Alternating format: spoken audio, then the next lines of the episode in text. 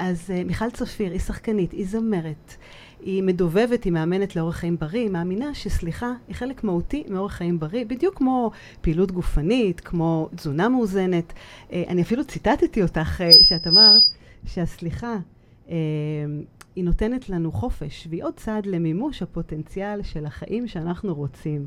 אז כל, כל זה טוב ויפה, ואנחנו גם דיברנו על זה ככה קודם, המודעות, לדעת, אבל איך עושים את זה. את יודעת, הייתה לנו דוגמה חיה כאן, למי שנמצא איתנו מתחילת השידור. התחלנו את השידור, והיו צפצופים, וכזה, מין איזושהי זליגה איטית אל השידור שאנחנו משדרות עכשיו.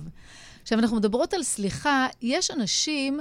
שיכולים בסיטואציה הזאת לחשוב רק על דבר אחד. יואו, למה הצפצופים האלה? ואיך עשיתי את זה? זאת אומרת, נמצאים במין כמו איזה לאכול את ה... לאכול את עצמם. הרי אף אחד לא נפגע מזה שהיו צפצופים. אבל הבן אדם יכול להיפגע רק מעצם העובדה שהוא מאפשר לאותו רעל, אני קוראת לזה לאותו הרס, להמשיך ולהיות בתוך הגוף. אם אני עושה את האנלוגיה להקשה של נחש, אז אף אחד לא מת באמת מאותה הקשה של הנחש, אלא מהרעל שמסתובב בתוך הגוף. אז קרה מה שקרה. אם את ואני נבחר לתת לזה עכשיו, לאכול לנו את הראש, לזרום לנו בתור עורדים, יהיה שידור אחד. נשים את זה מאחורינו ונגיד, עשינו את הכי טוב שיכולנו, יהיה שידור אחר. וואי, איזה דוגמה מצוינת. איזה יופי ככה להתחיל את התוכנית. הרגשות אשמה, ההלקאה עצמית. כמה... החוסר יכולת לסלוח לעצמנו. נכון. מה היה כאן? גם כאילו... יותר מזה, קרה משהו. אי אפשר לחזור אחורה, נכון. זו המציאות. שאלה, מה אנחנו בוחרים לעשות אחרת? זה הסליחה עצמית. מה אנחנו בוחרים לעשות ואיך אנחנו בוחרים לחשוב. הרי הסיטואציה, תיארתי אותה באופן אוביק, אובייקטיבי. לגמרי. התחלנו את השידור, היו צפצופים. נכון, עובדות. הפרשנות שאתה תיתן, מה, מה אתה תחשוב בעקבות מה שקרה, זה בעצם מה שיניע אותך לפעול. נכון. אז היכולת לנהל את המחשבות הרבה האלה. הרבה אנשים בנקודות כאלה, את יודעת, אם אני לוקחת את זה למקרה קיצון, שמישהו נגיד עכשיו אה, עולה על במה, נותן הרצאה, התכונן אליה, וזה לא עבר טוב, והוא שכח מה להגיד. ואפילו אנשים התעסקו עם הטלפונים ויצאו באמצע ההרצאה. אז מה זה אומר עליו? שהוא לא טוב? שהוא לא מקצועי? שהוא צריך להחליף מקצוע? את יודעת, זה הרבה אנשים לוקחים למקומות האלה במקום כן. ללמוד את הלקח. הייתה פה טעות, היה פה מקרה, כמו שאמרת, העובדות, הפרשנות. כן. השאלה, איך אנחנו לומדים איך אנחנו משחררים וסולחים לעצמנו? נכון. אז אני מאוד מאמינה בפרקטיקה הזו. לאותה דוגמה שאת נתת, אני, אני אומרת, השאלה גם איך אתה מגיע, איך אתה מתכונן. עלית לבמה ובחרת להרצות. האם שאלת את עצמך לפני שעלית לבמה, מה תחשב מבחינתך הצלחה? ויכול להיות שבחוויה שלך אתה אומר, אם הצלחתי לגעת במישהו אחד, נכון, נכון. אם הצלחתי לעמוד על הבמה וגם עם הבלקים להעביר את אותה חצי שעה או משהו כזה, אבל אם אמרת, מבחינתי הצלחה, זה שכולם ייהנו וכולם יתרגשו ואף אחד לא יקום, אז החוויה תהיה אולי שלא השגת את זה. לגמרי. או אפילו למלא אולם. תשמעי, כן. הדרך, אני נכון. אפילו לא עליתי, עוד לא התחלתי לדבר. והרבה פעמים אנחנו, אנחנו אומרים, אנחנו נותנים איזשהו משהו לא ריאלי. הרי אם עשינו את זה בפעם הראשונה, יש, יש מצב שאולי לא נהיה רהוטים, ובלקים יהיו חלק נכון, מהעניין. אבל ללמוד. אבל עלינו באומץ אל הבמה, לקחנו את עצמנו צעד קדימה, פעם הבאה יהיה יותר טוב. אז אנשים, זו הסליחה העצמית. תסלחו לעצמכם. יש עובדות, אי אפשר לחזור אחורה. קחו את זה, תסתכלו איך אתם בוחרים באמת להמשיך הלאה וללמוד מהסיטואציה ולקחת אותה למקום בריא יותר. כן. ובהקשר של בריאות, אנחנו לשם כך התכנסנו. אה, את יודעת, כשאני אומרת אה, את המילה אוכל, אז ישר ככה, יש ככה כל מיני אסוציאציות של אה, בשרים וקינוחים ומאפים וכולי וכולי. וכשאני אומרת אורח חיים בריא, זה פתאום לוקח אותי למקום אחר. כן. זה לוקח אותי לאולי חסה, ירקות, אה, אה, כל מיני אפילו מאכלים דלי קלוריות כאלה וכאלה, אולי אפילו גם דיאטה, אוקיי? אבל זאת לא הכוונה, ואני בטוחה שתכף ככה תדייקי אותנו, כי אוכל, באמת, הוא לא נכנס רק מהפה. הוא נכנס דרך uh, כל מקום אפשרי אחר בגוף שלנו. והרעיון הוא שהאוכל, ואת מדברת על זה הרבה, ובגלל זה גם רציתי ככה לארח אותך ולשמוע את האני מאמין שלך, הוא נכנס פה פנימה, לפנימיות שלנו. תראה, אני מדברת שלנו. על תזונה בשני אופנים. התזונה הפיזית, אוכל, כמו שמנית כאן, בשרים, קינוחים, חסה, ותזונה מנטלית. איך שאנחנו התחלנו את השידור, זה בעצם במה אני מזינה את עצמי, באיזה מחשבה, באיזה רמת תודעה. אז העובדה שמישהו מדמיין מה זה אוכל בריא, זה רק מהסיבה שהוא מניח הנחות. ורובנו טועים במקום הזה. כשאני מנסה ללמוד משהו חדש, אני אנסה ללקט כמה שיותר עובדות. מה זה אומר בריא? בריא זה, זה אומר... אומר... מה זה בריא? באמת, מה זה אורח חיים בריא? כי גם המילה בריא, היא כבר לוקחת אותך למקום מסוים. הבריא מתחילה מבחינתי כגישה לחיים. גישה שאומרת, אני לוקחת אחריות על המצב. אז אם לצורך העניין, אני בעברי הייתי, יודעת מה, מעל 110 קילו, אני אמרתי, יש לי בעיה של עודף משקל. כשבחרתי לקחת אחריות על המצב, הבנתי שזה לא יש לי בעיה של עודף משקל, יש לי תוצאה. וקוראים mm. לה עודף משקל. זאת אומרת, אל העודף משקל אני הגעתי על ידי הרגלים מסוימים, גם גנטיקה, אמונות מסוימות, זאת אומרת, לצורך העניין, כל עוד האמנתי שלאכול בריא זה לא טעים וזה מעייף ואני לא רוצה לוותר על דברים מסוימים, בחרתי להמשיך ולהזין את עצמי באותן מזונות שהובילו אותי גם אל עודף המשקל. אז בעצם השלמתי במציאות? באת, הסתכלת... הכרתי במציאות. כאילו הסתכלת עליה בעיניים, כמו כן. שהרבה אנשים לא מוכנים להכיר כן. ולהשלים, כן. או, או באמת לקבל יש אותה. יש עכשיו קורונה. יש קורונה. אנשים נדבקים. האם העובדה שיש קורונה אה, היא אקסיומה, קורונה סבל, לא מרוויחים כסף, אין מה לעשות, אני סגורה בבית, או יש כאן הזדמנות לעשות דברים אחרים. אני בחרתי להזין את עצמי במחשבה. מהרגע שכל הסיפור הזה התחיל ב... יש קורונה ואני מתרגשת. אני מתרגשת מעצם העובדה שיש משהו חדש. ומתוך ההתרגשות הזאת יצרתי קורס אינטרנטי, קורס בלייב, שנקרא 8 weeks, ואני נהנית ואני מתרגשת לקראת כל מפגש. ובאותה נקודת זמן, בשבע בערב, אני פוגשת אנשים מטורונטו, מלוס אנג'לס, קליפורניה, שווייץ. זה לא יכול היה לקרות לפני כן. אז okay. אוקיי. זה בריאות. שאלת בריאות. מה זה בריא? בריא okay. אוקיי. זה הרבה לפני מה אני אוכלת. אז זה בכלל לא קשור לאוכל. איך, זה, זה בח... משהו ב mind שלנו, ובכלל כן. איך אנחנו בוחרים לראות. כן, כן. שזה מאוד יפה שאתה... כי אם אני בוחרת לאכול חסה, זה מה, מהבחירה שהבנתי איך אני עושה לעצמי את הסלט הטעים. הבנתי שחלק מהעניין זה לאכול אותו בישיבה. הבנתי ש... אגב, זה לא רק חסה. בתפריט שלי יש הכל. אני לא טבעונית, אני לא פירותית, אני לא קטוגנית. אני לא. אני בוחרת לאכול כשר. אבל מעבר לזה, אני בוחרת לכבד את הגוף. מה זה אומר לכבד את הגוף? מה זה אומר? זה להשלים עם הטריגליצרידים, עם העייפות, עם הטרום סוכרתית, או להכיר שזה המצב, אני בעברי, למעלה מ-110 קילו, ולהגיד, וואו. האם אני רוצה, אני עוד לא בת 40, אני רוצה אוטוטו להתחיל לקחת כדורים, לעזר... או שאני מבינה מה אני יכולה לעשות בנסיבות הקיימות, ולא להיות קורבן למצב, ולהזין את עצמי במחשבה שאומרת, אין מה לעשות, זה אבוד, כי יש מה לעשות, והרבה. ותמיד יש מה לעשות. תמיד, בכל רגע נתון. את יודעת, זה, זה באמת מתחבר לגישה, לגישה לחיים. כי באמת, אנחנו מדברים פה על אוכל שהוא התוצאה למעשה, אבל זה לא כן. לא באמת האוכל כאוכל. אנחנו מדברים פה על שלב הרבה הרבה הרבה יותר אחורה, כן. שמשהו בגישה שלנו צריך להשתנות. ונתת פה את הדוגמה של הקורונה, שזה מאוד יפה, כי...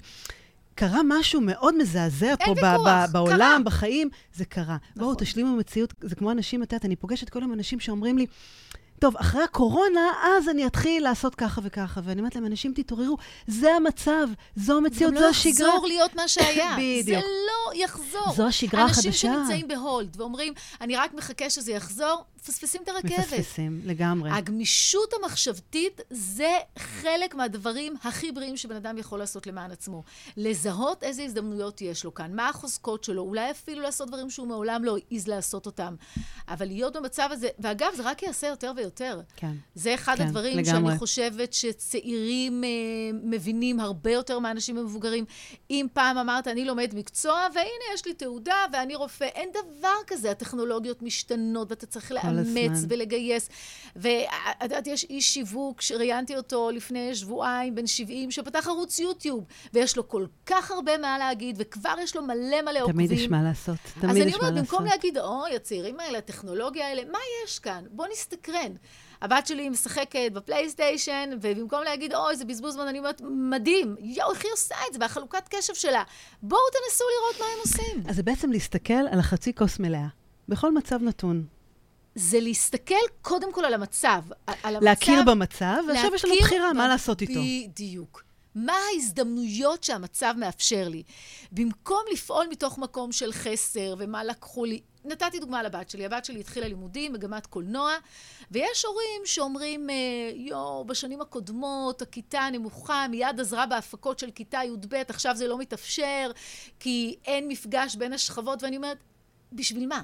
אבל המצב החדש מאפשר כן הרבה מאוד דברים. את יכולה לבחור. נכון, גם לגמרי. להגיד לבת שלך. לגמרי. אבל ברגע שאתה מסתכל, מה הפסדתי, מה הפסדתי, אתה מפספס את כל השפע שכבר קיים. לגמרי. וקיים שפע. וקיים שפע, ואני אומרת, גם אנחנו כהורים, אנחנו דוגמה אישית לילדים שלנו, אז חשוב לעשות את זה. מעבר לזה גם, כשאנחנו חושבים בריא או חיובי, שזה בעצם אותו דבר, אה, היצירתיות נפתחת.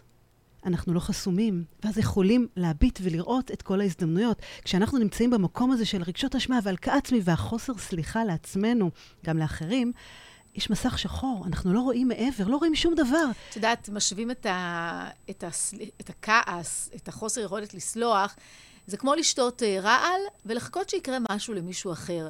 אתה בטוח, אני לא סולח, והנה, אני לא אגיד לו שלום. אני אעשה לו דווקא, אני מתנקם. ו...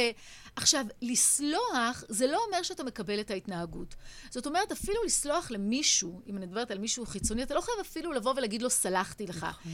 אתה צריך לשחרר את הדברים בעצמך. אתה יכול להחליט שזה הבן אדם, ואתה כנראה לא תהיה איתו בקשר, כי הוא לא מסב לך שמחה, הוא לא ממלא אותך, וזה בסדר. אבל להסתובב עם אותו דבר. ואת יודעת, כשאנשים לא סולחים, יש להם גם איזה נטייה לפגוש איזה מישהו ולספר לו עוד פעם את המקרה, ואתה יודע מה הוא עשה, ואתה חי את זה עוד פעם. ואתה, וכל פעם שאתה מספר את זה... זה כזאת. כן, זה סוג כן, של התקרבנות. ואתה מחפש הזדהות של אנשים אחרים, ולהגיד, יו, אתה, אתה צודק, באמת הוא התנהג לא בסדר. אבל אני מסכן, פגעו בי, אני, אני מסכן. את יודעת... אני זה... לא אומרת שזה קל. זה לא קל. את יודעת, חדי, זה... אנחנו יושבות כאן ומדברות בנחת, וגם אני הייתי צריכה, יש לנו המון פעמים איזשהו חשבון פתוח עם ההורים שלנו. הרבה פעמים אתה מגיע למקום של הפיוס אחרי שההורים נפטרים, ואתה אומר, כמה פספסתי. אז אם אנחנו מדברים על איך אתה מוצא את המקום הזה לסלוח, וגם לעצמנו, אני הבנתי שבכל תקופה בחיים שלי, עשיתי כנראה את הכי טוב שיכולתי באותה התקופה. זאת אומרת, באותם שנים שפגעתי בגוף שלי, ואני אומרת לגמרי פגעתי, כי להסתובב בעודף משקל, אתה פוגע. כן. אתה פוגע באיברים הפנימיים, אתה פוגע במפרקים, אתה פוגע בשלד הזה שאמור לשאת אותך ממקום למקום. ועשיתי את הכי טוב שידעתי. אני לא ידעתי. לא היה לך את הכלים? לא היה לא לי את הכלים, לא נכון. הבנתי. עכשיו, להגיד לך בוודאות שברגע שאתה יודע, אתה עושה את השינוי, לצערי זה לא. לא, אתה לא כי רוב האנשים שמעשנים יודעים שזה לא מוסיף להם בריאות, או רוב האנשים שבוחרים לשתות משקאות מתוקים מבינים כנראה שזה לא. אבל... Uh, זה נראה לנו הרבה פעמים משהו שהוא רחוק מהישג ידינו, זה מאוד מאוד קשה. זה לא קשה. ממשי, זה לא נשמע, אבל את יודעת, זה אבסורד. אז הדרך זה צעדים קטנים. Okay, מה אוקיי, שאני רוצה להגיד, נכון. שהפתרון הוא אחרי שהבנת, זה קודם כל לסלוח, להבין שעשיתי את הכי טוב שיכולתי אז, וככל שאני לומדת אני יודעת יותר ואני אגיע למקומות יותר טובים, אבל להבין שהשינוי ייקח זמן, ולהאמין בצעדים קטנים. ופה רובנו חוטאים. זאת אומרת, נכון. הכל או לא כלום. כי את יודעת למה? כי החיים לא פרודים. החיים לא תמיד כאלה נחמדים ואופטימיים. יש לנו משברים, יש מכשולים, לא כל יום הוא כמו, כמו קודמו וכולי. וזה באמת אה, אה, מוביל אותי לאחת השאלות ש... אה, אכילה רגשית, אני עכשיו במשבר, אני עכשיו כועס, פגעו בי, אני לא, לא, אני נכשלתי במשהו, אני פגעתי במישהו אחר. את יודעת, אוכל הוא מין כזה נתפס כסוג של מתנת פיצוי לעצמי. אגב, בואי איך... בוא נדייק מה זה אכילה רגשית. בואי. אכילה רגשית זה לאכול ממקום רגשי. זאת אומרת, אם אני חוזרת אל הבסיס, כיצורים, את יודעת, חיים, אנחנו אמורים לאכול כשאנחנו רעבים ולהפסיק כשאנחנו שבעים. לצורך העניין, חיה בטבע, על אף ש... ירוצו לפניה הרבה מאוד חיות, היא תטרוף ברגע שהיא צריכה אנרגיה. ברגע שהיא שבעה, היא עייפה, וגם אם הטרף יהיה מולה, היא לא תאכל אותו. זאת אומרת, אין נשנושים ככה אין. במשך היום. אתה אוכל כדי לתדלק את עצמך, כמו אוטו. מילאתי דלק במיכל, נסעתי, פתאום דולקת נורה אדומה, כי אני צריכה למלא, אבל אנחנו, יש לנו גם תודעה. וזאת אומרת שאנחנו אוכלים, הלוואי ורובנו היינו אוכלים קשובים למנגנוני שובע ורעב. זה משתבש בשלב מאוד מוקדם. אנחנו אוכלים כי יש, כי מונח לפנינו, לצורך העניין, גם אם אני שבעה. כן, אנחנו אוכלים עם העיניים היה, הרבה פעמים אנחנו גם. אנחנו אוכלים עם העיניים, כי יש, אני אומרת, נכון. תלוי סיטואציה. הגעתי אחרי ארוחת ערב לקולנוע. כשעוד הלכנו לקולנוע, והערכתי את הפופקורן. את הפופקורן, הרוב כן. הרוב הגדול יאכל פופקורן, כי זה לא קשור, יש לו איזו מחשבה, זה כיף, זה fun. אז אנחנו אוכלים כי יש, אנחנו אוכלים כי אנחנו רגילים, זאת אומרת, קינוח בסוף ארוחה, זה לא משנה, ואנחנו אוכלים רגשות. ו... אגב, אכילה רגשית זה לאו דווקא אני כועסת. יש כאלה שיגידו, כשטוב לי אז אני אוכלת. נכון, זה אתה נכון. אוכל, לא קשור לסובה ורעב. אני עייפה, אני אוכלת, אני כועסת, אני אוכלת, אני שמחה, אני אוכלת. ותדמייני שיש לנו איזה שני מיכלים, מיכל של רגש בתוך הגוף, שהמיכל הזה, בוא נגיד אם אני שמחה, אז אני אולי יכולה לרקוד, אני יכולה להתחבק עם מישהו כשאני עצובה. אני מזינה בדלק הלא נכון. Mm, אבל, אבל מיכל, אנחנו מונעים רגשית. יפה. אנחנו במכלול שלם של רגשות אין ביום-יום. אבל אם אני מדברת על להכיר במצב, זה קודם כל להכיר. אז זה בעצם לדעת לנהל את האכילה- הרגשות שלנו, למעשה? היא- אם אני, קודם כל, אם אני מכירה במצב, שעכשיו אני לא רעבה, אבל אני אוכלת כי אני כועסת, זה נקודת מוצא נהדרת. זה נפלא, כי אני ו- מודעת לזה. יפה. ואם אני נמצאת במשקל גוף מאוזן, אין עם זה שום בעיה. אבל אם המצב הבריאותי שלי לא טוב, ואם אני בעודף משקל גדול, הבחירה הזאת לאכול כשאני מתוסכלת פוגעת בבריאות שלי. אבל את עושה את זה בתת מודע, את לא שמה לב לזה אבל אפילו. על זה אנחנו מדברים. אוקיי. השלב הראשון בבריאות ובסליחה זה להיות מודעים. נכון, לגמרי. לאן אנחנו רוצים להגיע, ואיזה מחיר אנחנו משלמים, כשאנחנו הזמן. לא מתקדמים אל המקום הזה. כל הזמן. וזה נקודת המוצא. עכשיו, מפה, מה לעשות? זה, זה, קשה. אבל אני אומרת, זו אבל אפשרי. הפתיחה הכל כך משמעותית, כי את הרוב, יודעת... מה יגידו, זה בלתי אפשרי. את אוכל מ- מנחם. בדיוק. מה, אני אוותר על האוכל? לא, בוא תוותר על הבריאות. לוותר על הבריאות זה בסדר? לוותר על שמחת החיים זה בסדר? לוותר על אבל זה מה שאני נמצא רוצה פה בשכל, ללבוש? זה דברים שאנחנו לא זוכרים באותו רגע, זה נכון. הבעיה. אבל אנחנו זה- ממשיכים להגיד את, את אנחנו האוטומט. ממשיכים כל הזמן להגיד את האוטומט, ואת יודעת, זה, זה העניין הזה שאנחנו מגיבים מתוך אוטומט, ואנחנו לא יודעים לשמור על איפוק בכלל. אני אומרת, אני לוקחת את זה לכל החיים. אם פתאום מישהו נדחף בי בתור, אם פתאום אני עכשיו אה, אה, אומרת משהו בלי לחשוב לרגע, אני לא בוררת את המילים, אני שופטת אנשים, אני נותנת פרשנות, מבלי רגע לספור עד עשר. כמו שהיינו ילדים ו- ולימדו אותנו פעם לספור עד עשר, לספור עד עשר. עכשיו, זה, זה, אני אומרת, זה, זה משהו שהוא הוא כל כך כללי לכל תחומי החיים שלנו, ואת ובטח יודעת מתי לבריאות. צריך לעשות את זה? דיברת על לנהל את הרגשות. כשאתה נמצא בפיק של הכעס או העצבים, אתה לא תוכל לעשות את זה. נכון, נכון. לתרגל את ה... לספור עד עשר, זה דווקא במקומות שאנחנו מאוזנים. שאתה אומר, רגע, בוא נהיה רגע במצב, מה אני יכול לעשות? כי באותם מצבי קיצון, להגיד, זה כמו שאתה מאוד עצבני ומישהו אומר לך, רגע, בוא תירגע. הדבר האחרון שאתה מסוגל זה נכון, להירגע. נכון. אבל כשאתה מתרגל את ההקשבה, או נניח אנחנו מדברים על בני זוג, שאין שם הקשבה, בשלב שבו בני הזוג מתווכחים, פתאום לספור עד עשר זה מאוד קשה. לגמרי. אבל אם במצב שנעים לנו, ואנחנו מסתכלים אחד על השני, ואנחנו מקשיבים לפני שאנחנו עונים, אז כשאנחנו נגיע, זה כמו, את יודעת, להתאמן, לעשות חזרות. לגמרי. בסופו של דבר שעל הבמה אתה יותר קל, כי עשית כי את עשית את זה. החזרות. עכשיו, יותר מזה, גם אם נפלנו בפח, תעשו על זה closure.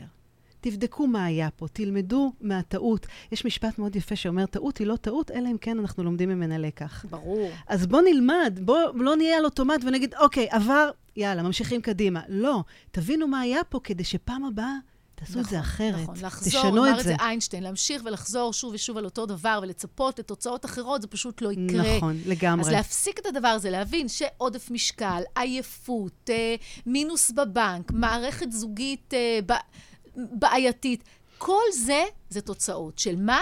של האופן שבו בחרנו לחשוב, בחרנו להתנהל, בחרנו לפעול. אם אנחנו רוצים להגיע לתוצאות אחרות, בואו ננהל אחרת בוא את ננהל מה אחרת. שעשינו. אני רוצה לדבר על כעסים ועל סליחה. היכולת שלנו לסלוח, בוא נגיד אח- אחרת, החוסר יכולת לסלוח ולבקש סליחה, איך זה פוגע בבריאות שלנו? דיברת על רגשות, כן. אז תחשבי שכשאתה לא סולח, אתה מסתובב עם איזשהו משקל על הכתפיים, בלב, בנשמה, ונדמה לך הרבה פעמים שאם תאכל משהו, זה יטשטש את הכאב הזה, או אם תעשן משהו, או אם Mm. תשתה משהו. כי כאב זה מקום שרובנו רוצים להימנע ממנו, לגמרי. ולא להתמודד איתו. לגמרי. זה לא נעים. כשאנחנו לא סולחים, זה משקולת שאנחנו מסתובבים איתה, והיא מלווה אותנו בכל תחום. כדי להיפטר מהמשקולת הזאת, אנחנו צריכים למצוא בתוכנו את החמלה. אוקיי, יפה. חמלה מקסים. כלפי עצמנו. שוב אני אומרת, זה, את יודעת, יש אנשים שמתבלבלים בין, ושלא תביני, אני מאשימה את עצמי, זה אפילו לא אשמה. מה זה חמלה בעינייך? איך את מגדירה חמלה? חמלה זה, זה יכולת ל, להתבונן על הסיטואציה ב... בצורה נקייה ללא שיפוטיות. ללא אני, שיפוטיות. אני אקח את זה למצב הכי קיצוני. כולם מדברים עכשיו על מה שקרה באילת, על האונס, אין ספק שצריכה להיות אכיפה, והחבר'ה האלה צריכים לשלם את המחיר, וללכת אחורה ולהבין מה יש שם, אבל אנחנו לא יודעים עד שאנחנו לא נמצאים באמת... בנעליים של האחר. בנעליים של האחר. היכולת הזאת להבין ובאמת ללכת אחורה, איך אנחנו מגדלים, האם אנחנו באמת רואים את האנשים שנמצאים סביבנו? מה יש שם? זה לא קל.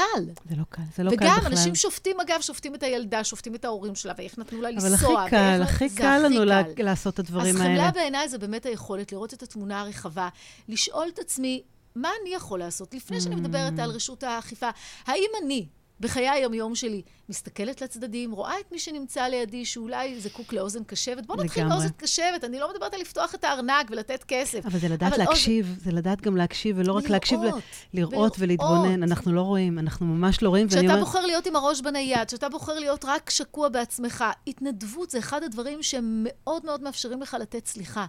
להתנדב. פשוט להתנדב זה לעשות משהו ולתת טוב. לאנש... משהו למישהו אחר. ופתאום אתה... אתה רואה אתה- דברים אתה אחרת. מעשיר את נקודות המבט שלך. בכלל, מה קרה, מה גרם לך לשינוי? כי את יודעת, זה ממש ב-180 מעלות, זה לשנות גישה בצורה מאוד מאוד קיצונית. נכון, עשית את זה בצעדים קטנים וכולי, אבל עדיין היה איזה טריגר שפתאום אמרת, זהו, no more, מפה אני משנה את החיים שלי. הפסקתי לחרטט לעצמי. זאת אומרת, להגיד, זה לא כזה נורא, יכול להיות יותר גרוע, אבל אני אוהבת את עצמי כמו שאני. לרדת למשמעות של המילים, מה זה לאהוב את עצמי כמו שאני?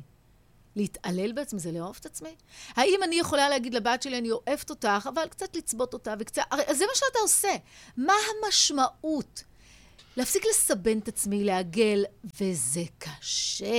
זה כי אנחנו קשה. מונעים לסיסמאות, גם את יודעת, זה, זה ממש לבוא ולהתמודד עם האמת. נכון. והאמת לא פשוטה, היא גם כואבת. נכון. כזאת. אז, אז זה מה שהיה שם, אוקיי. וזה, וזה תהליך. אבל זה ככה להגיד ביום פ- שאני מוכנה להתאמץ. לא, זה לא ביום בהיר, זה תהליך. אה, זה, זה תהליך, במקרה שלי, זה באמת אה, התחיל מ, מהעובדה שהייתי לא בריאה, ובחרתי לעשות שינוי תזונתי, מזה זה התחיל. אבל אז ההבנה שכבר הרבה פעמים ירדתי במשקל, ומעולם לא הצלחתי לשמר את התוצאה. ו- ולבחור ללמוד, והלכתי ולמדתי, ולמדתי המון המון נושאים, אבל כל הזמן גם תרגלתי. זאת אומרת, חשוב, זה לא נגמר ב- בפסיכולוגיה החיובית, יש משפט שאני מאוד אוהבת, אינפורמציה לא עושה טרנספורמציה. Mm. הדבר היחיד שעושה טרנספורמציה זה שימוש בידע. נכון, תרגול. ולכל מקום שהלכתי, לקחתי איתי איזשהו משהו ותרגלתי אותו לאורך זמן. תרגלתי אורך רוח, הבנה שכמו שלא הגעתי לעודף המשקל בבוקר בהיר, אני כנראה גם לא אשיל מהמשקל בבוקר בהיר. וכאן אנחנו מפספסים, במאה ה-21 אין לנו כל כך, כמו שאמרת, דחיית סיפוקים, אנחנו רוצים כאן ועכשיו ומיד, והנה אנחנו משדרים, ועכשיו כבר בלייב, וכולנו רואים אותנו, וכבר יהיה תגובות. תחשבי פעם, צילמת עד ששידרת, עד שזה, היום זה התראיינת ככה, לעיתון. הכתבה יוצאת עוד חודש, עד שאתה מקבל משובים. אז קשה היום להתאמן על המקום הזה של הדחיית סיפוקים, אבל אין, אין דרך אחרת. ובכל זאת, מי שעכשיו מקשיב לנו, את יודעת, אנחנו לא מדברים רק על, אה, על משקל, אנחנו מדברים על אורח חיים בריא, באמת בצורה מאוד מאוד כללית. נכון. אם יש אנשים ששומעים אותנו, ומרגישים... אגב, זה לא כללית. זה דווקא מאוד ספציפי, אבל זה רחב. אבל, למה אוקיי. הכוונה? זאת אומרת, כשאני מדברת על אורח חיים בריא, אני מדברת על כל הפלחים. אני מדברת על קריירה, ואני מדברת על כסף, ואני מדברת על זוגיות, ועל תזונה. כל מעגלי החיים שלנו. בדיוק. אוקיי. אז זה לא כללי, זה מאוד רחב. וכדי לעשות שינוי, אתה צריך להיות ספציפי. זאת אומרת, אם מישהי אומרת לי, Mm. לי אני במה רוצה לא להרוויח לי." יותר כסף, אני יכולה להגיד לה, אוקיי, כנסי לבוס שלך, ותגידי לו, אני רוצה עוד שקל. אמרת יותר. מה זה באמת יותר? האם זה בכלל זה העניין, או שאת רוצה להרגיש יותר משמעותית במקום העבודה שלך? עד שאתה לא ספציפי, ואתה מדבר באופן כללי ובסיסמאות, קשה מאוד לעשות שיפור. כשמישהי אומרת לי, אבל uh, יש לי בולמוסים. מתי היה הבולמוס? בואי נדבר על בולמוס ספציפי, כדי שנוכל להבין מה היה שם, ואיך אנחנו יכולים לתקן את זה זה להבא. בעצם לקרוא לילד בשמו. ממש לשים... עד הסוף, להסתכל על. הלבן שבעיניים. וזה, אני אומרת אפילו יותר מזה, כי הרבה פעמים אנחנו מגדירים את המטרות שלנו כמטרות חומריות. ושם יש הרבה מאוד פספוס. זאת אומרת, כמו שאתה נתת דוגמה של הבוס עם הכסף, זה לא שאני עכשיו רוצה להיות עשיר יותר או להרוויח אולי יותר. גם כן, שזה בסדר. אבל אם אני רוצה להיות עשיר, תראה, אני מאמינה שבבסיס, בבסיס, בבסיס, בבסיס, כולנו רוצים להיות ב, בתחושה של, אה, של חופש, של שקט, של שלווה. יש הגדרה לישעיהו ליבוביץ' שאני מאוד אוהבת. מה זה חופש? מה זה חופש? להתנהל בשלווה במצבים משתנים של המציאות. זה גאוני. זאת אומרת, הנה המציאות השתנתה ויש קורונה, ולי יש את השלווה. מה אנשים מבלבלים? שלווה, הם חושבים שזה, "מ, שנתי באנטי, אני לא עושה כלום. זה לא שלווה. שלווה זה היכולת לקרוא את המפה ולהבין מה ביכולתי לעשות במצב הקיים. גם לא להילחם. לא להילחם עם המציאות, לא, באמת. לפעמים לבוא- אפילו להוריד את הראש, לתת לגל בדיוק, לעבור. לגמרי. זאת הגמישות. נכון. אם דיברנו על יכולת הגמישות המחשבתית, זה ההבדל בין נוקשות, שענף נוקשה, תגיע הרוח, הוא יישבר, אבל ענף שיש לו יכולת להתגמש, הרוח תגרום לו להתכופף, יחלוף ה- אותו משב רוח, ואותו ענף יכול להזדקף. זה ההבדל. את יודעת, זה נשמע מדהים, ואני אומרת, כל מי ששומע אותנו, זה, זה, זה משהו שאת יודעת, אין אחד שלא יגיד, כן, אני רוצה, כי זה נשמע נפלא. אתה מוכן להתאמץ? אוקיי. כי זה דורש מאמץ. כי זה המחיר, יש פה מחירים. יש, אין משהו שהוא בלי מחיר. מה המחיר? גם כשאתה בעודף משקל כשאת- גדול, אתה משלם כשאת מחיר. התחלת לעשות את השינוי, מה המחיר שאת שילמת? שהבנתי שאני צריכה לצאת מאזורי הנוחות. בשבילי לעשות עוד דיאטה, תאמיני לי שכבר היה לי קל. אני ידעתי, אוקיי, הנה, הלאה עכשיו, ואני במוטיבציה שיא, אם זה למען קלטת שאני מצטלמת, או שער שאני מצטלמת. איזה טריגר או- שמאפ- כן, כן. טריגר חיצוני. להבין שזה דורש מאמץ, גם אם עדיין אף, אף אחד לא רואה את זה, זה רק אתה בינך לבין עצמך.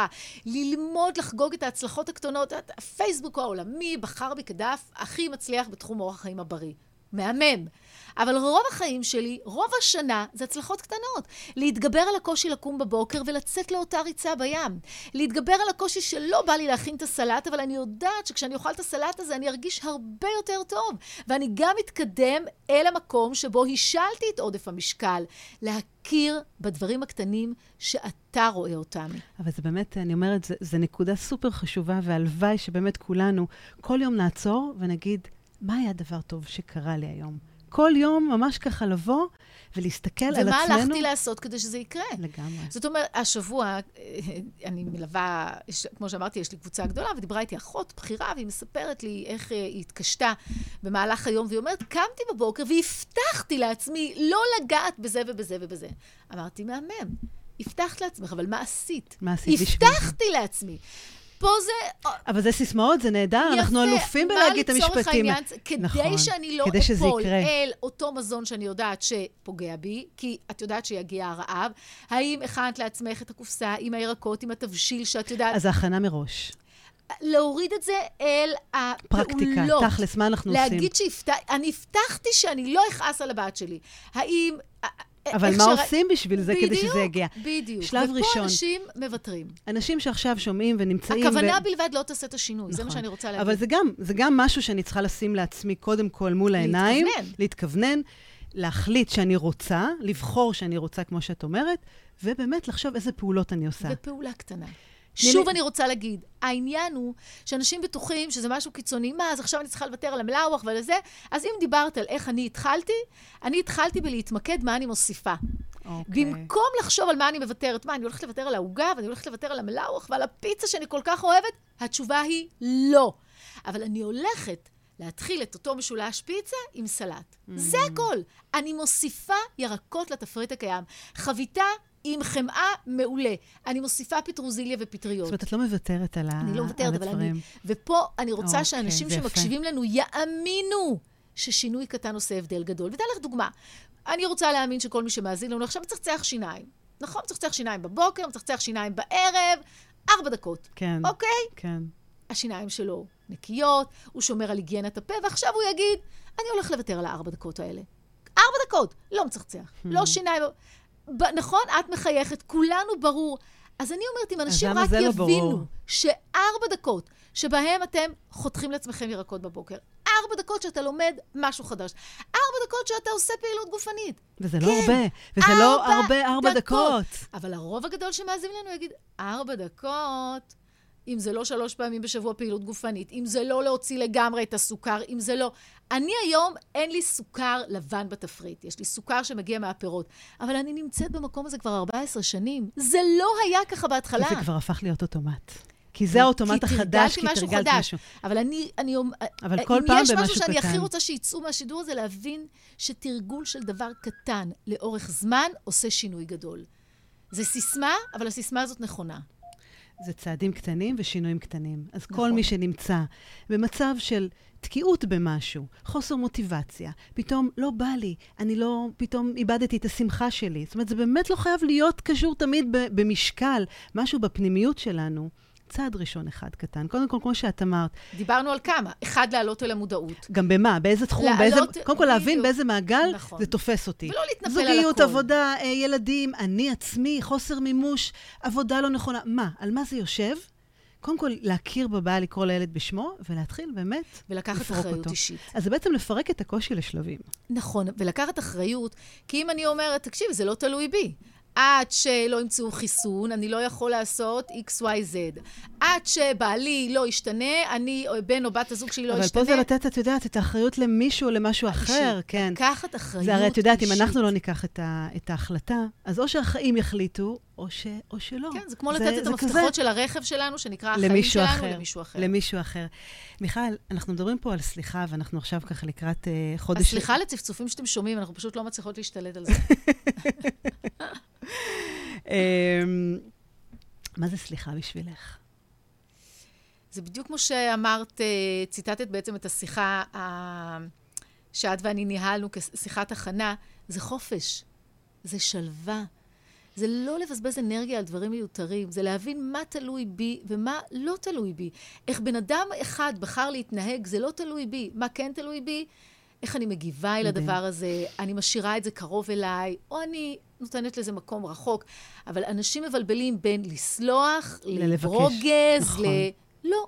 בין לבקש והסליחה, סליחה ולסלוח. כן, הסליחה היא ביני לבין עצמי, זה גם לבקש סליחה ממישהו. קל לך לבקש סליחה ו... אם פגעת ממישהו? אה, הכי קל לי בעולם. הכי קל לי בעולם, וזה גם לא מספיק. כי בעיניי, לבקש סליחה זה לא המהות, זה נכון. לבחור להתנהג אחרת. נכון. נורא קל להגיד, לתקן ולשפר. אל תעשה את זה עוד פעם.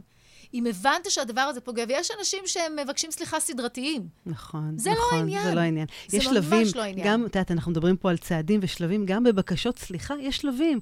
קודם כל, באמת, לשחרר את החטא שלנו, להכיר בעובדה הזאת, לשים את זה מול הפנים, המודעות שדיברנו עליה, להביע חרטה ולתקן ולשפר, כדי כן. שבפעם הבאה לא נחזור על אותה טעות. נכון. כי אחרת זה באמת נשאר באוויר. ואם אני מדברת על הגוף, אני אה, לפני הרבה מאוד שנים הבנתי שפגעתי בגוף שלי. ביקשתי ממנו סליחה. אבל השאלה אם אני מבקשת סליחה ואני חוזרת אחרי יום כיפור להמשיך להתנהג כמו שהתנהגתי בעבר, או שאני אומרת, תקשיב, סליחה. ובוא נלך, את יודעת, יש לי ילדים, יש לי שלוש בנות. אם אני היום מבינה מה זה סוכריות גומי, שזה משהו שאת יודעת, אם רוב האנשים היו מבינים שצמיג של גלגל וסוכריית גומי זה אותו דבר, רק שפה הוסיפו סוכר וצבע מאכל, ואתה בוחר לתת את זה לילד שלך, אז אני הבנתי מה זה. את יודעת, ביקשתי סליחה ואמרתי, זה לא ייכנס הביתה, כי אני כל כך אוהבת אותך, שזה פשוט לא משהו שראוי להיכנס לגוף.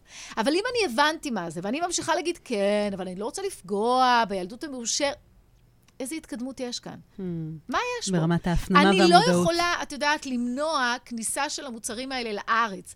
אני לא יכולה לאסור על הקיוסקים, אבל אני יכולה לפרש את הסליחה הזאת, שהבית הזה לא ייכנס. כן, כי זו בחירה שלנו מה להכניס בסופו של דבר. כן. אנחנו עכשיו נמצאים ככה לפני החגים, תמיד יש, את יודעת, את התחושה הזאת שאוכלים יותר ומעלים במשקל וכולי. איך שומרים על אורח חיים בריא בתקופת החגים? כדי שלא נגיע למצב הזה שאחרי החגים נגיד, וואו, מה אנחנו עושים? כן, תראי, ה... יגיעו חגים, יגיעו ימי הולדת, יגיע סוף השנה. איכשהו אנשים תמיד מופתעים שזה מגיע, זה יגיע. כן. כשאתה מבין מה המשמעות של לכבד את הגוף שלך. כשאתה מדבר על אותם מנגנוני שובע ורעב, אני בוחרת להגיע אל החגים עם התרגשות. ההזדמנות לשהות יותר במחיצת המשפחה. אני בוחרת איך להגיע אל הארוחה. אני בוחרת מה לשים לעצמי בצלחת. אף אחד לא מצמיד לי אקדח לרקה. אבל אם יש לי אותה אמונה שאוקיי, בחגים, יאללה, בוא נתפרע. שוברים את כל מחיר. הגבולות, נכון? אבל מה זה חופש? בשבילי חופש זה לצאת לחופשה וללבוש מה שאני רוצה ולהתנהל בספונטניות. בספונטניות לבחור מה אני רוצה ללבוש, ולא רק בספונטניות מה אני רוצה להכניס לגוף שלי. אז כשאתה לא מודע, כשאתה לא מודע לדברים, אז אתה חושב שהכיף הגדול זה לאכול עכשיו כל מה שאני מה רוצה. מה שבא לי. לא אחר כך נשלם את המחיר, או אני, שלא. אני, אני פשוט לא מתנהלת באופן כן. כזה. אז אין, אין אני החגים. ש, אני חושבת שבאמת מה שאת באה ומנסה להגיד פה, שאני אומרת, לאורך כל השנים, את בנית לעצמך ארגז כלים. נכון. שהוא כבר חלק ממך. נכון. שהוא בא איתך לכל וזה מקום מה אפשרי. שאני מלמדת. והוא חלק, את יודעת, בלתי נפרד. יותר מזה, ב- במצבים של, אני אומרת, משברים, אה, שיאים של הצלחות, הרי זה לא תמיד חייב להיות הדברים ה- שמורידים אותנו. מה זה בכלל הצלחה? את יודעת, זה לא מהות התוכנית, בכלל... אבל זה אה, בדיוק העניין. מה, אבל מה את זה יודעת, הצלחה? מהדברים שבאמת מרגשים אותנו ומוציאים אותנו מהאיזון. בואי נגיד כזה דבר, מצבים שמוציאים אותנו מהאיזון למעלה ולמטה. גם הקורונה, סוג של. אז באותו רגע אנחנו יודעים כבר איך להתנהל, כי יש לנו את הארגז כלים שהוא כבר כן. חלק מאיתנו, אז אנחנו, את יודעת, שולפים אני אגב באותו לא רגע. מהאנשים שיגידו לך איזון, כי אני לא חושבת שיש דבר כזה. יש תקופות שאני יותר נותנת את עצמי במקום אחד, זה החיים. אבל השלווה והחופש לא מגיעה מזה שאתה מאוזן. השלווה והחופש מגיעה מהידיעה שאני סומכת על עצמי, שאני יודעת שאני אדע לקרוא את המפה, ואם לא הצלחתי, אני אדע לקום ואני אלמד. להקיף את עצמי בסביבה של אנשים מרימים, כן. של אנשים שאני חולקת איתם דברים. אני חושבת שזה הדבר, אבל זו השאיפה משתמשים- שלנו כל הזמן, להיות אבל זה לא במקום איזון. כזה. אוקיי, זה, ש... כל... זה, זה החופש, זה השלווה. את מבינה, מה זה לסלוח? אם, אם במושגים של איזון, אז זה לפעמים לסלוח, ולפעמים לא לסלוח. לא, לא, לא, אם לא. אתה סולח, אתה סולח, אין כאן אבל איזון. המטרה והשאיפה כל הזמן, את יודעת, לנסות ללמוד. להמשיך וללמוד. ולהתפתח. ו- בדיוק. ולעשות- כשאנשים באים ואומרים, אני רוצה לעשות הסבה, אני אומרת, אתה מוחק את כל מה שהיה ואתה עושה הסבה? לא, אתה מתפתח. אתה תביא איתך את כל ה... את לגמרי. משדרת ברדיו, אבל יש לך עסק בשיווק. את מביאה לכאן את כל המהות של מי זאת חדי, את מביאה לכאן. נכון. ואת תתפתחי ואת תמשיכי, והשידור הזה לא ידמה לשידור בעוד שנה, לגמרי. והטכנולוגיה. אז להיות בהתפתחות מתמדת, תודעתית, פיזית, סקרנות מאוד מאוד גדולה, הבנה שאתה יכול ללמוד מכל אחד ובכל רגע נתון, זה החופש בעיניי. איזה כיף, איזה כיף, זה נשמע נפלא. זה ולדעת, ולדעת שבאמת בכל רגע נתון אנחנו יכולים לבחור אחרת. נכון. ושום דבר, לא משנה מה עברנו, עכשיו זה הרגע שמפה אנחנו מסתכלים קדימה, וכל מה שעברנו הוביל אותנו גם לנקודה הזאת, כמו שאת אומרת, נכון. חוויתי ולמדתי, ולא משנה אם הגעתי עכשיו למשהו שהוא אחר לגמרי. היום את עוסקת באורח חיים בריא, ואת באת מתחום המשחק, אה, ודיבבת סרטים וכולי. גם לזה יש קשר. גם דברים האלה מתחברים אחד לשני, נכון. ואת מביאה את זה לעולמות החדשים שלך. חד משמעי. בקורסים אני יכולה פתאום לשיר, ועל הבמה, כמובן, את כל השנים, שאת, את, מה שנקרא הפרזנטטיביות על הבמה. אין, אין מה לעשות, אני יכולה לשבת בפאנל עם אקדמאים. היתרון המובהק שאני יודעת להרגיש את הקהל, הוא יש שם. נכון. ו... ו... ולא לבטל באמת את, את מה שהיית. את יודעת, כשדיברת על המקום הזה של, ה... של הסליחה, המון פעמים אנשים תקועים בכעס הזה ובחוסר יכולת לסלוח להורים שלהם. וזו תקיעות נוראית. את יודעת, יש לי מתאמנת, בגיל 60 היא יכולה להגיד לי, אבל אותי לימדו לגמור מהצלחת. Mm. תחשבי שהיא מסתובבת עם האמונה הזאת שהיא הגיעה אל עודף המשקל, והיא עדיין, כי לימדו אותה לגמור מהצלחת, מבלי באמת להתנתק מהמקום הזה ולהגיד, זה מה שההורים שלך עשו. הכוונה שלהם הייתה טובה. את כבר מחוץ לבית כמה שנים? 40? עדיין להיאחז בדבר הזה ולכעוס עליהם? אימא שלי לימדה אותי המון המון דברים. היא לא לימדה אותי שום דבר שקשור לתזונה של בריאות, לא בגלל שהיא לא רצתה או שהיא חשבה שזה לא חשוב. זה מה שהיא ידעה. אני היום יודעת אחרת. אני יכולה לעשות אחרת למען עצמי, בראש ובראשונה, לתת דוגמה לבנותיי, להניע אותם, לכוון אותם, זה מה שאנחנו יכולים. אבל את כל אותם כעסים ש... שהיו לא. עוזרים בשום אופן, לא למערכת היחסים שלנו עם. עצמנו. ומעכבים אותנו, הם פוגעים בסופו של דבר בנו. ושוב אני אומרת, זה לא קל. זה לא קל. קל את לשבת דיברת- ולדבר על זה. ברור, בוודאי, אבל, אבל את יודעת, אפשרי. אבל זה אפשרי, ואני חושבת שזו דוגמה חיה, לראות שזה אפשרי. ואת מדברת באמת על הנושא של, אה, גם הזכרתי את זה קודם, לסלוח לאנשים שלא בחיים. ולעשות, ולעשות את, ה, את הסגירה הזאת. אני רוצה לסגור את העניין הזה של ההורים. שני ההורים כן. שלי נפטרו. אבי נפטר לפני שנתיים, אבל בעודו בחיים, ו- והייתה לי מערכת יחסים טעונה עם אבא שלי, היה לי המון המון טענות ועניינים וזה, אבל קיבלתי החלטה לפני אה, שמונה שנים זה כבר היה, שאני אני משחררת. אז מה עשיתי בפועל? באתי ודיברתי איתו, והקשבתי, ושאלתי שאלות. ודברים מסוימים שאני הנחתי שהוא פעל באופן כזה, פתאום הבנתי מה היה השורש של, של הדבר הזה. אז לפעמים, כדי להתפייס ולסלוח, אתה צריך ההפך, דווקא לחטט ולבוא פתוח להקשיב אל התשובות. תעשו את זה כשההורים שלכם בחיים. אל תחכו לפיוס הזה אחר כך, זה, זה כל כך מיותר. זה מיותר. אבל ואנשים זה... לא מדברים עם אחים שלהם, נכון, ו- נכון. וברוגז, זה באמת אחד הדברים שאתם הכי פוגעים בבריאות שלכם. הרבה לפני אוכל ופעילות גופנית. את יודעת, אבל זה, אני כל כך מכירה את הסיפורים האלה, אני פוגשת אותם כל יום, והרבה פעמים זה לא הדדי. זאת אומרת, אני מאוד רוצה לסלוח, אבל הצד השני לא מוכן. אתה לא צריך מישהו שני כדי לסלוח. בדיוק, בדיוק. אתה לא צריך פרטנר בשביל לסלוח. זה עניין מאוד חשוב, לדעת שהסליחה היא בשבילנו, כן. לשחרר את עצמנו מהכאב, גם אם כן. האדם השני לא משתף פעולה, וזה גם מדייק אותנו, גם אם האדם השני... וגם לסלוח לעצמנו על לא משהו בחיים. שעשינו. נכון, וגם אם האדם האחר לא בחיים, אז באמת, גם אז אפשר לעשות תהליכי סליחה. נכון. אבל כמובן, אם יש את האפשרות, ויש לכם יקירים וחברים, ואנחנו עכשיו פה באמת ב, בחודש ככה שמאפשר לנו ודוחף אותנו ונותן לנו על הבמה הזאת את הסליחה, קחו אותה, קחו אותה בזרועות פתוחים, קחו את הדלת, תפתחו אותה, אבל תשאירו אותה גם פתוחה. נכון. כי היא באמת תצליח להעיף אתכם קדימה בחיים. נכון, זאת ההתפתחות. זאת ההתפתחות אין שלנו. אין באמת התפתחות כשאנחנו בוחרים להיות סגורים, לדעת הכי טוב, אני יודע הכי טוב, אף אחד לא יכול ללמד אותי. לגמרי. ומי היית רוצה לבקש סליחה? אה, בוודאות לא עשיתי ביודעין שום דבר שיפגע במישהו. או שעשית וכבר ביקשת ו... ו... לא, אני מדברת על השנים האחרונות, אין כן. אה, דבר כזה. מול הורייך היה לך תהליך הסליחה? אני אגיד לך מול מי אני רוצה לבקש סליחה. אני לא אכנס פה לפרטים, אבל לפני שבועיים וקצת איבדנו את הכלב שלנו, שהיה איתנו כמעט 14 שנים, ממשהו שעשינו בחוסר ריכוז, ואני, ואני מבקשת סליחה. זה משהו שמלווה אותי. הוא אמנם היה... בשנים של כלב זה כמובן כלב מבוגר, אבל מבחינתי הוא לפחות היה יכול להיות איתנו עוד ארבע שנים. ו- ואני, ואני לומדת לשחרר את עצמי מה, מההלקאה הזאת, איך זה קרה, איך, איך עשינו את זה, איך... אה, ואני אומרת, הדבר היחידי שאני יכולה לעשות, להבטיח ש- שזה לא יקרה עוד לא פעם. יקרה. לקחת אחריות מרוכז, על זה. להיות uh, ב- ברגע, וזה, וזה קשה, וזה מאוד מאוד קשה. אז, אז זה הדבר הראשון ש- שככה עולה לי. אבל אני חושבת שכשאנחנו עושים דברים לא בכוונה, כל מה שאפשר זה באמת להגיד, להביא, דיברנו על חמלה, לחמול על עצמנו, להבין מה השיעור שהיה כאן, ולהימנע מהטעות הזאת בפעם. בפעם הבאה.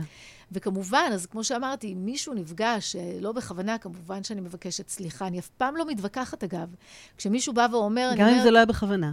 כן, אני לא מתווכחת, כי אי אפשר להתווכח עם רגשות. אי אפשר, אם מישהו הרגיש נכון. משהו כזה, אם, הכוונה שלי הייתה הכי טובה בעולם, אבל התוצאה בפועל הייתה שמישהו נפגע, כמובן שאני מבקשת סליחה, ואני אשאל שאלות ואני אלמד איך להימנע בזה בעתיד. כן, זה להפוך אותנו גם לבן אדם הרבה יותר טוב ורגיש וקשוב, אמפתי. ומתבונן באמת במה שקורה, כי אנחנו לא נכון. חיים פה לבד בעולם. יש נכון. מסביבנו עוד הרבה הרבה אנשים. וגם אם באנו עם הכוונות הכי טובות, אם בסופו של דבר הילד שלנו נפגע מאיתנו, בן הזוג, העמיתים שלנו לעבודה, המאזינים שלנו, האנשים שאני מלווה, להקשיב. להקשיב, להקשיב, לגמרי. מיכל, אנחנו קרובות ככה לסיום. די? באמת שהזמן השעה טס. ככה עפה לנו. לגמרי. אז אני רוצה ככה מסר לסיום שמסכם לנו פה את, ה, את הנושא. אמ, תתחילו את היום בידיעה שאתם הולכים לעשות משהו טוב למען מישהו אחר, ותשימו את הראש על הכרית בסוף היום בידיעה שעשיתם את זה.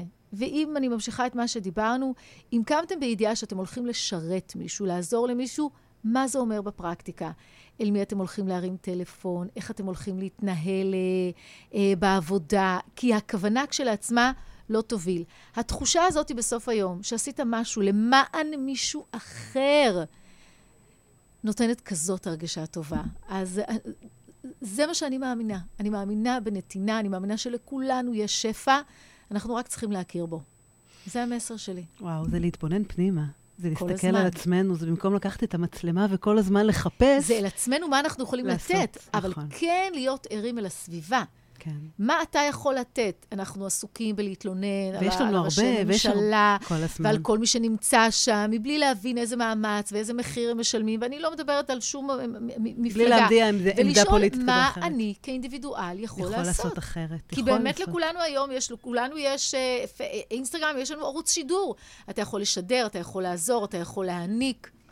באמת האמצעים ויש. היום, אנחנו חיים היום כמו שמלכים לא חיו לפני לא מעט שנים. וזה קיים, זאת אומרת, קיים. יש לנו כל כך הרבה שפע אצלנו, נכון?